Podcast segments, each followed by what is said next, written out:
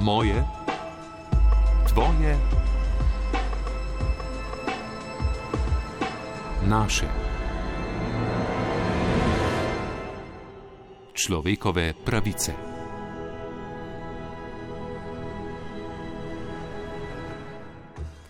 Po svetu je po podatkih Visokega komisarjata Združenih narodov za begunce razseljenih 25,4 milijona beguncev. Begunci so osebe, ki so bile primorane zbežati iz svojih domov, torej so osebe, ki niso prostovoljno zapustile svoje države izvora in so a, načeloma preganjani ali zaradi a, nekega konflikta ali pa zaradi nekih osebnih a, okoliščin, se pravi rase, vere, a, nacionalnosti ali pa političnega prepričanja je povedala Danika Mencin, ki je na regionalnem predstavništvu za Srednjo Evropo pri Visokem komisarjatu za begunce zaposlena kot oseba za stike za Slovenijo. 57 odstotkov beguncev prihaja iz Sirije, Afganistana in Južnega Sudana. O tem, kakšne pravice imajo Jrneja Turin, vodja kampanj pri Amnesty International. Ljudje, ki bežijo pred vojnami in preganjanjem, imajo pravico, da v drugi državi iščejo azil in uživajo azil.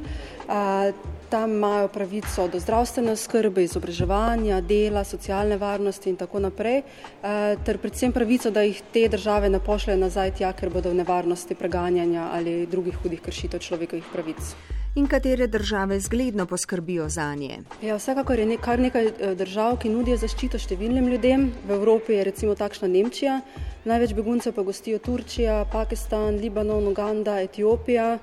In kar 86 odstotkov beguncev v bistvu gostijo regije v razvoju, medtem pa velika večina recimo ekonomsko bogatejših držav niti približno ne prispeva svojega pravičnega deleža k zaščiti beguncev. Ne s finančno pomočjo, ne s tem, da bi zagotovile dovoljšnemo število beguncev v teh državah, recimo preselitev in zatočišče. Zato pa begunci pogosto živijo v zelo slabih razmerah in zato tudi številni tvegajo življenje in se podajo na nevarne poti naprej, ker upajo na neko dostojnejše življenje. Po podatkih Komisarjata Združenih narodov za begunce je letos prek nevarnih morskih poti skušalo poiskati boljše življenje v Evropi 82 tisoč ljudi. 1700 ljudi se je pri tem utopilo. Moje, tvoje, naše. Človekove pravice. In kako za begunce poskrbimo v Sloveniji? Danika Mencin z Visokega komisarjata Združenih narodov za begunce. Slovenija je letos prvič sprejela begunce iz tako imenovanega programa Resettlement ali kot pri nas temu rečemo stalne preselitve. In pozdravljamo to odločitev Slovenije, da sprejme ljudi že priznanim statusom UNHCR-ja. Jrneja Turim z Amnesty International Slovenija pa upozarja. Nikakor ne prezema svojega pravičnega deleža skrbi, v Sloveniji nudimo mednarodno zaščito oziroma azil zelo majhnemu številu ljudi nekdanja direktorica Mirovnega inštituta Niža Kogovšek Šalamon. Moja glavna teza že kar nekaj časa na tem področju je, da smo v resnici v Sloveniji vzpostavili azilni sistem uh, zato, ker smo ga morali. Zato, ker je bil to pogoj, da smo vstopili v um, Evropsko unijo. Moje, tvoje, naše. Človekove pravice. V prejšnjih letih je skrb za begunce v številnih evropskih državah preglasila razprava o skrbi zaradi beguncev. Marsikje je tako zaznati vzpon skrajnih politik, ki so grešnega kozla za vse težave v državi našle v beguncih. Niža Kogovšek Šalamon. Mislim, da je ta oddaljenost od druge svetovne vojne povzročila svoje. To, da, torej, da se ljudje več ne zavedajo, zakaj so človekove pravice, torej zakaj je to varstvo človekovih pravic nastalo čemu je namenjeno, um, kje so vzroki za to. Ne, uh, in mislim, da vse te stvari, torej na svoje lastne pravice, jemljemo zelo kot samoumevne. Hkrati pa se je zelo izgubila ta ideja univerzalnosti. Se pravi, da pravice zahtevamo in priznavamo, dokler jih razumemo kot svoje pravice. Ne? Ko pa začnemo razmišljati širše, pa uh, se pa ta ideja univerzalnosti izgubi. Slovenski reper, bloger in kolumnist Miha Blažič. Problem je, da se vprašanje begunstva in vprašanje migracije reducira na empatijo. Se pravi, to, da smo mi, ki uživamo neko relativno stabilno in ekonomsko varno okolje, um, imamo izbiro ali se bomo usmilili ljudi ali se jih ne bomo usmilili. In to seveda uh, reducira ljudi na to, podobno gledamo na njih kot na zapuščene pse.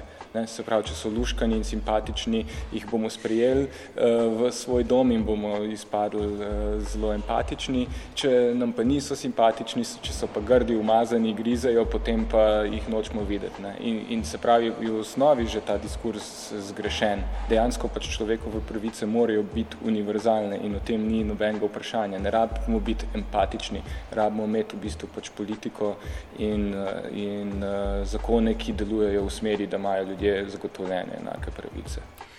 Profesorica na Fakulteti za družbene vede Petra Rotar pravi, da so migracije, terorizem, morebitne grožnje varnosti posledica stoletnega napačnega upravljanja politiko sodobni mednarodni skupnosti, ki je vodila v to, da nekateri imamo, drugi pa nimajo. Opozarja pa tudi. V 30 letih poznamo, kaj so bili dejavniki, kakšni procesi so vodili do druge svetovne vojne. Ne?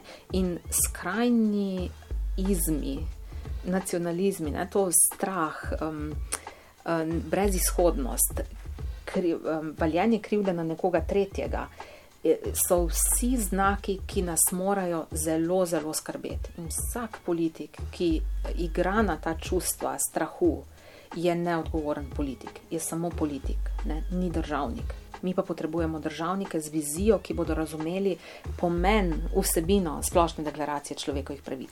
Do konca tega leta naj bi Organizacija Združenih narodov sprejela dokumenta, ki naj bi na globalni ravni omogočila boljše in mednarodno bolj usklajeno varovanje beguncev in migrantov ter učinkovitejšo pomoč državam, ki sprejemajo največ prišlekov.